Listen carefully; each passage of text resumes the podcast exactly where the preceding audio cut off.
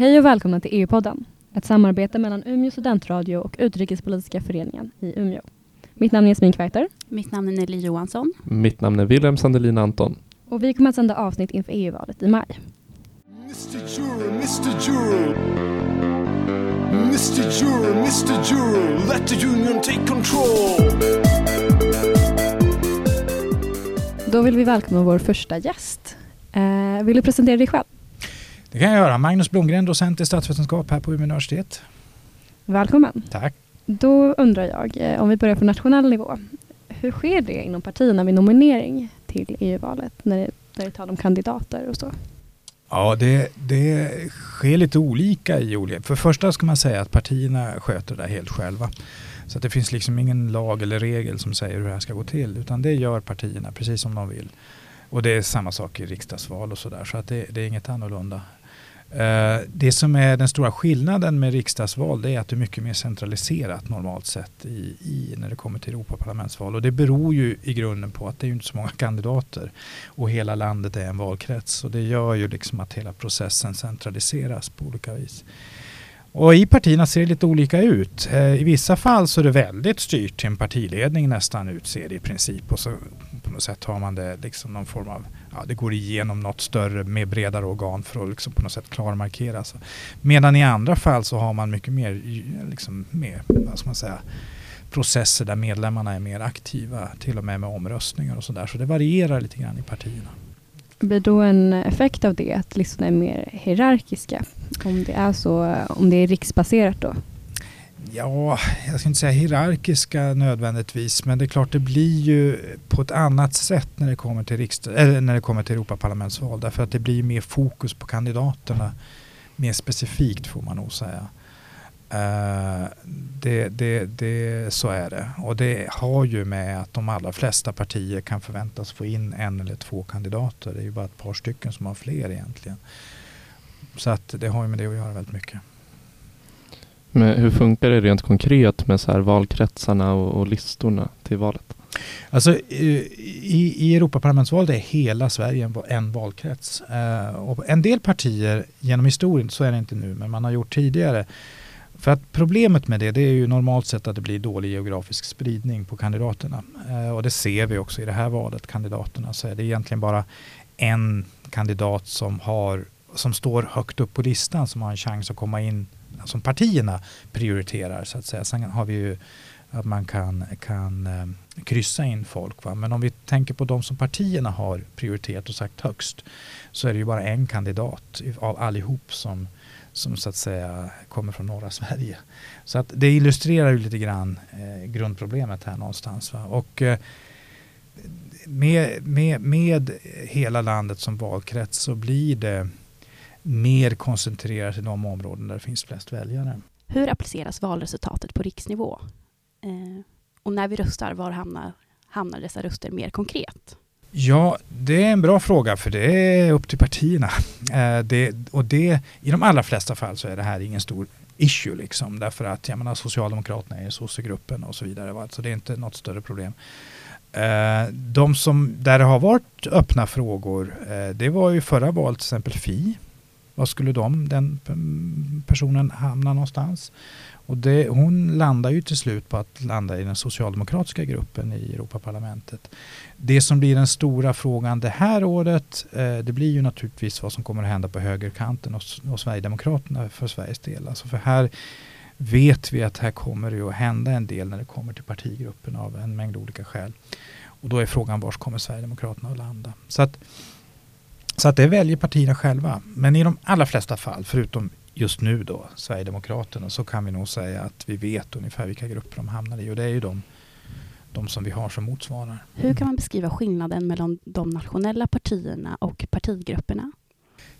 Ja, det är en bra fråga och en svår fråga. För att dels handlar det om att eh, partigrupperna i parlamentet det innehåller ju alla möjliga. Man tittar till exempel i EPP, eh, European People's Party på engelska. Eh, de, de innefattar ju allt ifrån svenska moderater till Orbans Fidesz. Så, det har ju varit mycket diskussion om det. Än så länge gör de det i alla fall. Va? Och du ser samma typ av ganska breda grupper. Så, att, så, att säga, alltså, så, en jättestor skillnad är ju att det är mycket spretigare grupper. Så att eh, om man tittar på de svenska partierna så är de ju mycket mer homogena och har liksom ett gemensamt program, ofta en gemensam liksom utgångspunkt, mycket, mycket, mycket mer. Så att det spretar mycket mer eh, när det kommer till, till eh, Europaparlamentsgrupperna. Samtidigt ska man också komma ihåg att i många frågor så eh, hanteras inte de i Europaparlamentet. De hanteras inte på EU-nivå överhuvudtaget.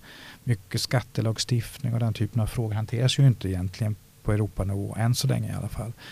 Vilket innebär att en del av de här skillnaderna kanske inte spelar så väldigt stor roll när det kommer till hur parlamentet arbetar. Därför därför man kan vara överens om just de frågorna. Men, men, men en, ett enkelt svar på din fråga är att det ser, ja, partierna tycker väldigt mycket olika det där. De olika grupperna tycker olika. Mm. Eh, märker man då vilka länders politik som faktiskt kommer fram då i EU-politiken i och med att antalet invånare ger antalet platser inom partigrupperna? Alltså Europaparlament, det, det är viktigt att komma ihåg att Europaparlamentet ju inte sitter för att representera länderna. Eh, utan de sitter för att representera medborgarna men någonstans Europaparlamentariska grupperna. Så att eh, det enkla svaret på din fråga är egentligen nej. Det syns inte, skulle jag säga, speciellt mycket. Utan eh, det är klart att det i vissa frågor kan det bli den här typen av spänningar i grupperna också. Till exempel jordbruksfrågor. Det är en klassisk sån fråga, frågeområde liksom där partierna har ganska tydliga nationella agendor eh, och olika intressen. Eh, till exempel de svenska partierna, oberoende höger-vänster, är ganska överens i jordbruksfrågorna egentligen. Eh, det är möjligtvis Centern som har lite annorlunda uppfattningar men i grunden är man ganska överens. Eh, och då syns det när de jobbar så säger de olika liksom, i de olika grupperna egentligen. Eh, när ska man titta på nationella liksom, synpunkterna då är det ministerrådet egentligen och vad som händer i, runt omkring ministerrådet och Europeiska rådet. Det är där som de nationella uppfattningarna mer tydligt kommer fram och syns. Men om man bortser från eh, vart man står i politik. Jag kan tänka mig då frågor om jordbruk. Hur, mm syns det hur progressiv en, en EU-parlamentariker är och jämfört med inte. Alltså det finns en del. Det, fin det finns en jättebra hemsida som heter votewatch.eu eh, och den kan man gå in och kolla på. Eh, där ser vi varje kandidat i hela parlamentet, även de svenska, då, hur de har röstat den här perioden som har varit, hur gruppen håller ihop och hur man agerat i olika och vilka roller som olika parlamentariker har haft och om de har tagit olika initiativ och sådana saker.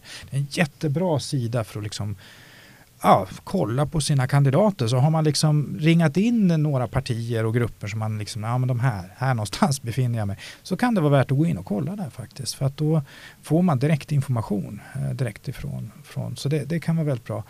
Eh, men på din fråga, hur ser man skillnaderna? Ja, det beror väldigt mycket på vad det är för fråga eh, och det är svårt att svara generellt på egentligen. Och, och här är det ju medias upp uppgift väldigt mycket att försöka fånga detta och försöka pressa kandidaterna och sådär. Så att, så att än så länge så har vi inte sett, det som är problemet nu det är ju att det är relativt få som sitter kvar. Det är väldigt mycket nya, nya kandidater och de är ju svårt att pressa på vad de har gjort för de har ju inte gjort något.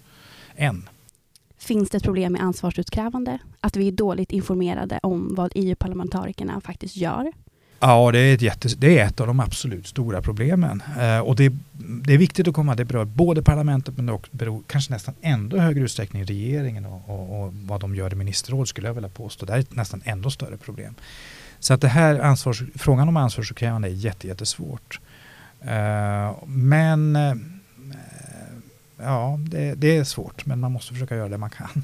Och försöka faktiskt och det, det, är ju jättesvårt för den enskilda väljaren att klara av. Det inser ju vem som helst. Men media måste hjälpa väljaren och partierna för den delen också. Men de har ju ett egenintresse i det här förstås. Men media att på något sätt fånga eh, olika problematiska frågor och försöka pressa partirepresentanter och de här kandidaterna på vad, ja, men den här frågan kommer förmodligen att komma upp nästa mandatperiod. Vad tycker du om det här? Hur kommer du att tänka? Va? Och hur kommer du att se? Vad tror du det beror på att eh, mediebevakningen kanske inte är så bra som den borde vara? Jag, jag, tror att det beror på många olika saker. Jag tillhör inte de här, det finns en, jag menar politiker, pratar man om politiker med det här så blir de ju ofta så här, ja ah, men det är media som inte skriver om vad, allt vi håller på med och bla bla bla. Eh, och, och, och, media brukar säga, men partierna pratar inte om det här på ett vettigt sätt så vi kan liksom förmedla informationen. Så att man skyller på varandra. Och förmodligen ligger sanningen någonstans däremellan skulle jag gissa. Eh, det har blivit mycket bättre ska jag säga. Gå ett par val tillbaka så var det ändå mer bedrövligt måste jag säga. Nu har det ändå Dels märker jag väldigt tydligt att kunskapsnivån bland journalister har blivit mycket, mycket, mycket bättre. Eh, och även sättet att diskutera frågor har blivit lite bättre. Eh, men det är ganska långt kvar till den punkten där jag tror att väljare känner att nu vet jag precis vad jag röstar på. Men det kanske man inte gör i riksdagsval heller, jag vet inte, det är svårt att säga. Men jag tror att det handlar väldigt mycket om att vi har för lite EU-debatt. Och det finns lite tendens i Sverige, eh, precis som i en del andra länder, att eh, Eh, man försöker att få EU-politik som konsensuspolitik. Alla partierna måste vara överens och riksdagen jobbar väldigt mycket utifrån principen att man ska hålla ihop till slut. Va? Man kan diskutera inom sig men utåt ska man vara överens. Man ska ha en svensk linje. Och det kanske är bra i förhandlingarna i Bryssel men det är inte bra för den politiska debatten och demokratin. Eh, därför att det finns ingen diskussion som gör att vi väljare kan liksom värdera var vi står i det här. Och det är väldigt svårt att reparera en sån skada månad innan ett val. Blir detta ett representationsproblem? Det blir ju det. Det blir ju liksom å andra sidan. Va? Därför att frågan är vilka de här då representerar. Eh, egentligen då. Och vilka uppfattningar de egentligen har blivit valda baserat på. Mm. Men kan man då se det från andra sidan av myntet, att det finns en bristande insyn av EUs sida av en viss anledning? Att det är den här distansen emellan beror på att man inte vill att det ska vara en närmare koppling? Ja, det är klart man kan ju tänka sig med konspiratoriska termer och det, det, är klart att det finns både teorier och ganska utvecklade argument som inte bara kokobello, liksom sådär konspirationer utan som, som liksom är seriösa teoretiska analyser kring det här som handlar om att eh, framförallt regeringarna har tjänat på att man har en EU-nivå där man kan plocka upp frågor som är väldigt liksom, känsliga på nationell nivå. Det där kan man diskutera men jag tror inte oavsett hur man vrider och vänder på att det är grundproblemet utan det här ligger lite grann i ett problem med ett demokratiskt system och ett flernivåsystem där beslut fattas på en annan nivå.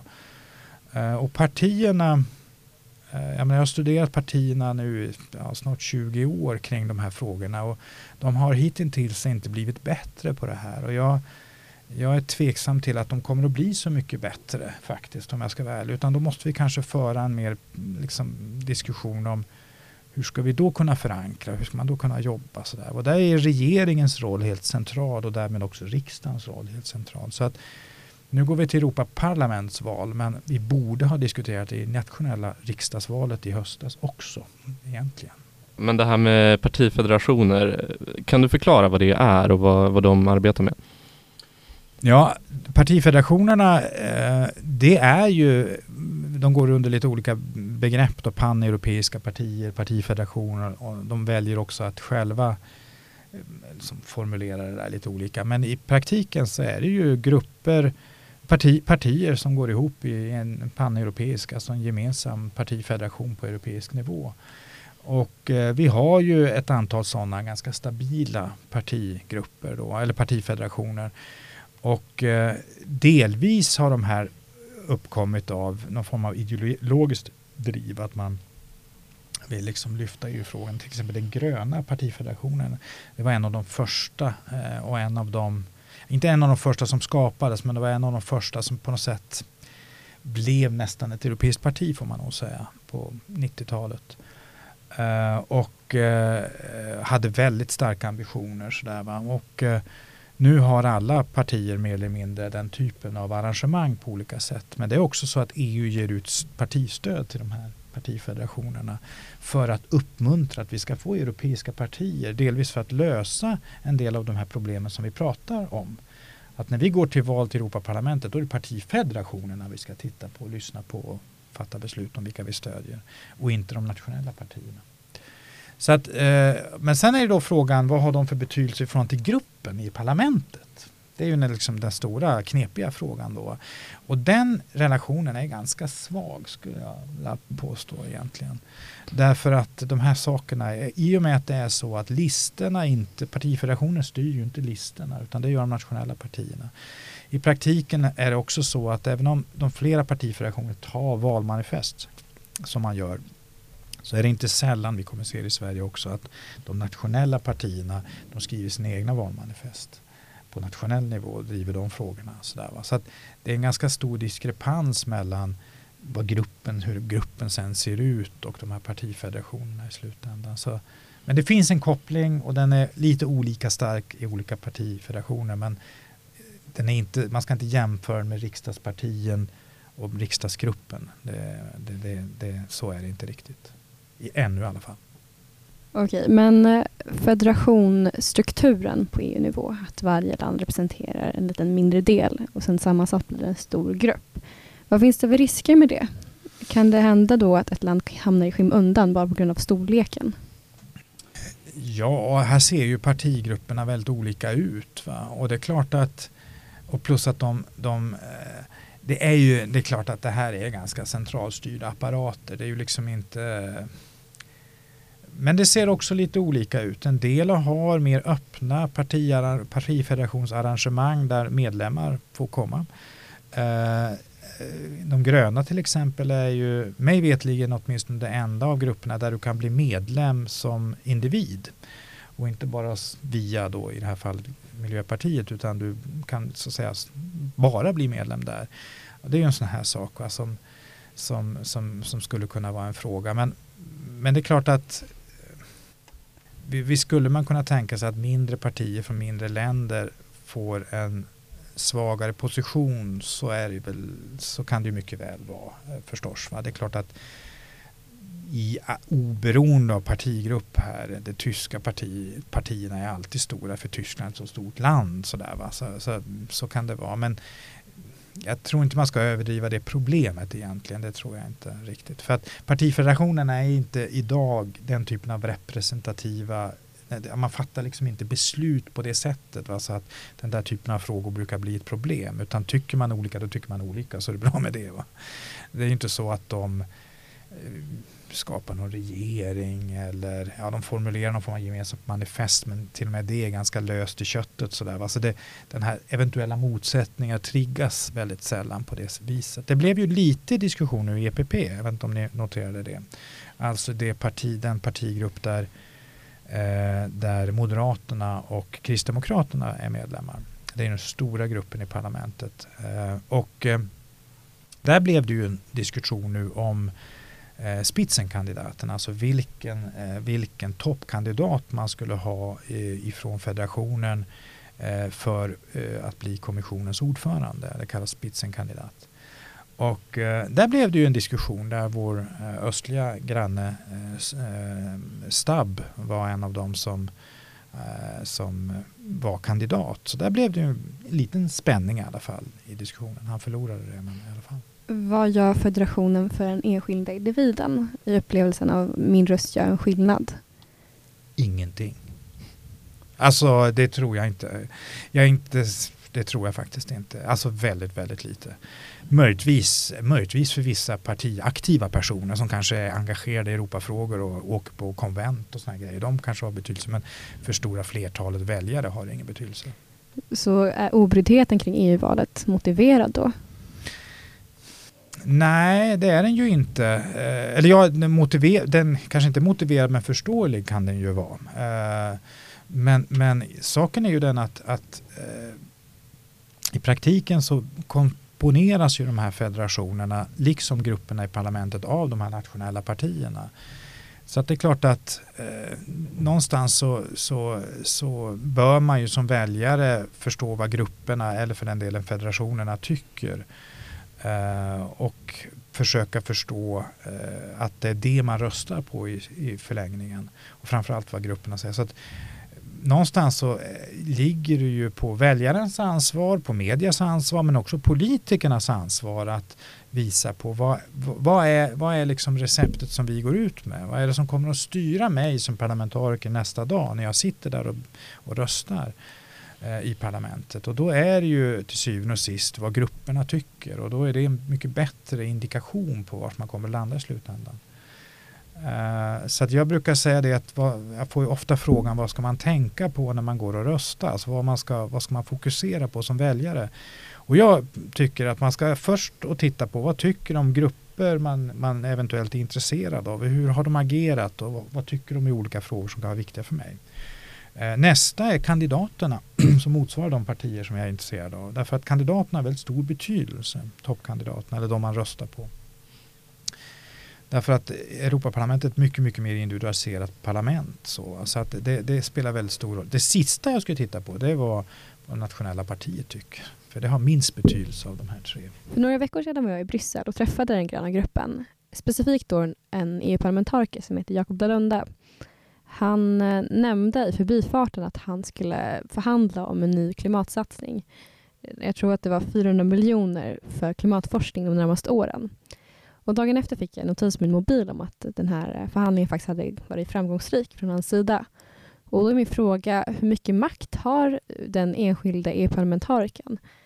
Förvisso är det få som får den positionen, men eh, makten de får, är den lite för stor? Ja, det är en väldigt bra fråga. Och var, jag antydde när jag svarade att individen har väldigt stor betydelse när det kommer till Europaparlamentspolitik. Och skälet till det är att parlamentet är mycket, mycket mer individualiserat om vi jämför med de nationella parlamenten och inte minst riksdagen. Jag menar, en riksdagsledamot är ju en riksdagsledamot och röstar som partigruppen gör och så vidare. Va? Uh, inte obetydlig, självklart inte, men, men, men när du kommer till Europaparlamentet så är det här spelet mycket, mycket öppnare. Uh, så att du kan, när du, om du är en skicklig parlamentariker, en skicklig politiker helt enkelt, uh, så kan du åstadkomma ganska mycket trots att du kanske kommer från både ett mindre parti och en mindre partigrupp, men också ett mindre land. Eh, just därför att eh, du kan som politiker spela en mycket större roll. I det exemplet du nu nämnde, jag vet inte bakgrunden riktigt och vet inte riktigt vad det var för typ av förhandling. Men eh, parlamentet är ju uppbyggt på ett annorlunda sätt än riksdagen i den meningen att här blir man som parlamentariker, eller man kan bli, om man är duktig så kan man bli så kallad rapportör. Och det är någonting som man kan titta på när man värderar de politiker vi har, eh, i vad mån de har varit det och lyckats med det. Eh, och en rapportör eh, blir i praktiken ansvarig som enskild individ för att en fråga ska lotsas igenom riksdagen. Och, och det är ju så att, eh, riksdagen sen, Europaparlamentet menar jag. och det är ju så att när man fattar beslut i EU så, är, så krävs det att både ministerrådet, alltså de nationella regeringarna och Europaparlamentet är överens. Och det här innebär nio gånger av tio en förhandling mellan de här två institutionerna. Så dels handlar det om förhandling i det utskott man sitter som hanterar frågan. Sen handlar det om en förhandling eh, i parlamentet så att man får igenom det här på ett vettigt sätt i sin partigrupp respektive mellan olika partigrupper. Och sen så har man en diskussion med ministerrådet och då kan frågan komma tillbaks och då måste man ta om det igen i parlamentet. Så att, och under hela den här processen så har rapportören, den håller liksom i taktpinnen här. Och får du bra rapportörskap och får du bra, en stark roll i de här processerna då kan du påverka ganska mycket. Så att Europaparlamentet är oerhört mycket mer individualiserat än vad vi känner normalt sett svensk politik är. Uh, och, och det det ska man ha med sig i det här. Och det är därför som det inte är oväsentligt vilken individ vi skickar faktiskt. Jag tror inte det är så jättemånga som tänker så jättemycket på det när man tänker på riksdagen. För då röstar vi på partier och partilistor. Och vissa tänker mycket på det men de flesta gör det inte. Men i det här fallet är det faktiskt inte oväsentligt. Så parlamentets organisation är byggt på ett sätt som gynnar lojalitet mot parlamentet och inte mot de nationella partierna och medlemslandet? Ja, så är det. Absolut så är det. Det är till och med så att det står i statuterna så att säga för parlamentet, det som konstituerar parlamentet i fördraget alltså, att parlamentarikerna representerar medborgarna. Eh, och inte, eh, nu står det inte att man inte representerar de nationella partierna, men under, an, liksom undermeningen är ju den att, att, att, du har ett personligt mandat. Det har också riksdagsledamöterna ska vi säga, i och för sig. Va? Men, men i och med att Europaparlamentet inte alls är uppbyggt på partier på riktigt samma sätt som de flesta nationella parlament så ser det väldigt annorlunda ut. Okej, men kan det då vara gynnsamt att rösta på någon som är inne i spelet redan? Som har kontakter och så? Det vill ju inte jag säga nu för det är ju jättetaskigt för de här nykomlingarna då för då liksom hamnar de efter på en gång. Nej, nej men det tror jag inte nödvändigtvis det behöver vara faktiskt för du kan ju ha haft en parlamentariker som är jävligt taskig, dålig parlamentariker också så att nödvändigtvis är det väl inte så. Däremot så är det som ju många journalister och, och så har, har noterat det är ju väldigt många nya i just det här racet. Uh, och det är klart att flera partier har ju då tagit bort sina parlamentariker och det är klart det är det gynnar dem ju knappast i de flesta fall. För att, att det, det bygger mycket på både erfarenhet men, men nätverk. för jag menar, alltså Europaparlamentet precis som EU-politik i väldigt hög utsträckning det är ju förhandlingar. Och för att kunna göra förhandlingar så krävs det ett stort och brett nätverk. Och ja, så att säga kunna, kunna föra sig i den typen av sammanhang på ett vettigt sätt. Och det är klart, då hamnar du lite efter om du inte har den erfarenheten. Men skickliga politiker kan ju skaffa sig den väldigt snabbt förstås. Man pratar ju fortfarande om höger och vänsterskalan inom ramen för EU. Eh, men ser man en tendens till att EU-skepticismen blir ytterligare en dimension inom EU-parlamentet? Absolut, tveklöst är det så. Eh, och så, jag menar, om vi går tillbaka till Sverige efter medlemskapet och ända egentligen fram till EMU så fanns ju den dimensionen väldigt starkt också i svensk politik när vi pratar EU. Eh, det var ju partier som var delade i de här frågorna. Men framförallt det som väl var med, hade mest jobbigt om man får säga så med det här det var ju Socialdemokraterna som ju vid något val hade kritiska kandidater på sin lista. Uh, och som då kunde kryssas in. Alltså det var ju väldigt konfliktfyllt i det partiet. Så, och de var inte unika även om det var kanske värst just i det partiet.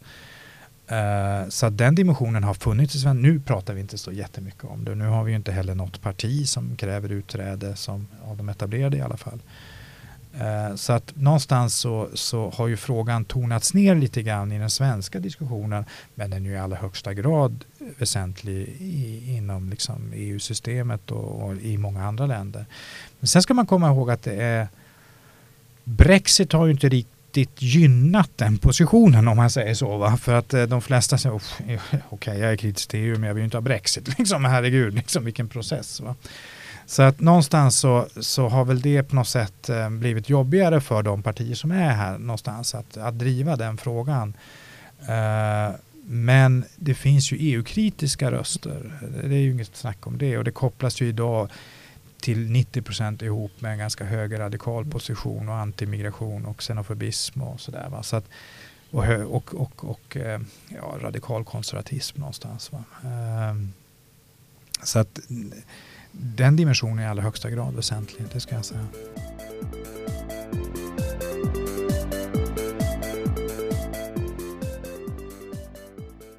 Du har lyssnat på EU-podden av Jasmin Kuwaiter, Wilhelm Sandelin Anton och Nelly Johansson. EU-podden är ett samarbete mellan Umeå studentradio och Utrikespolitiska föreningen Umeå.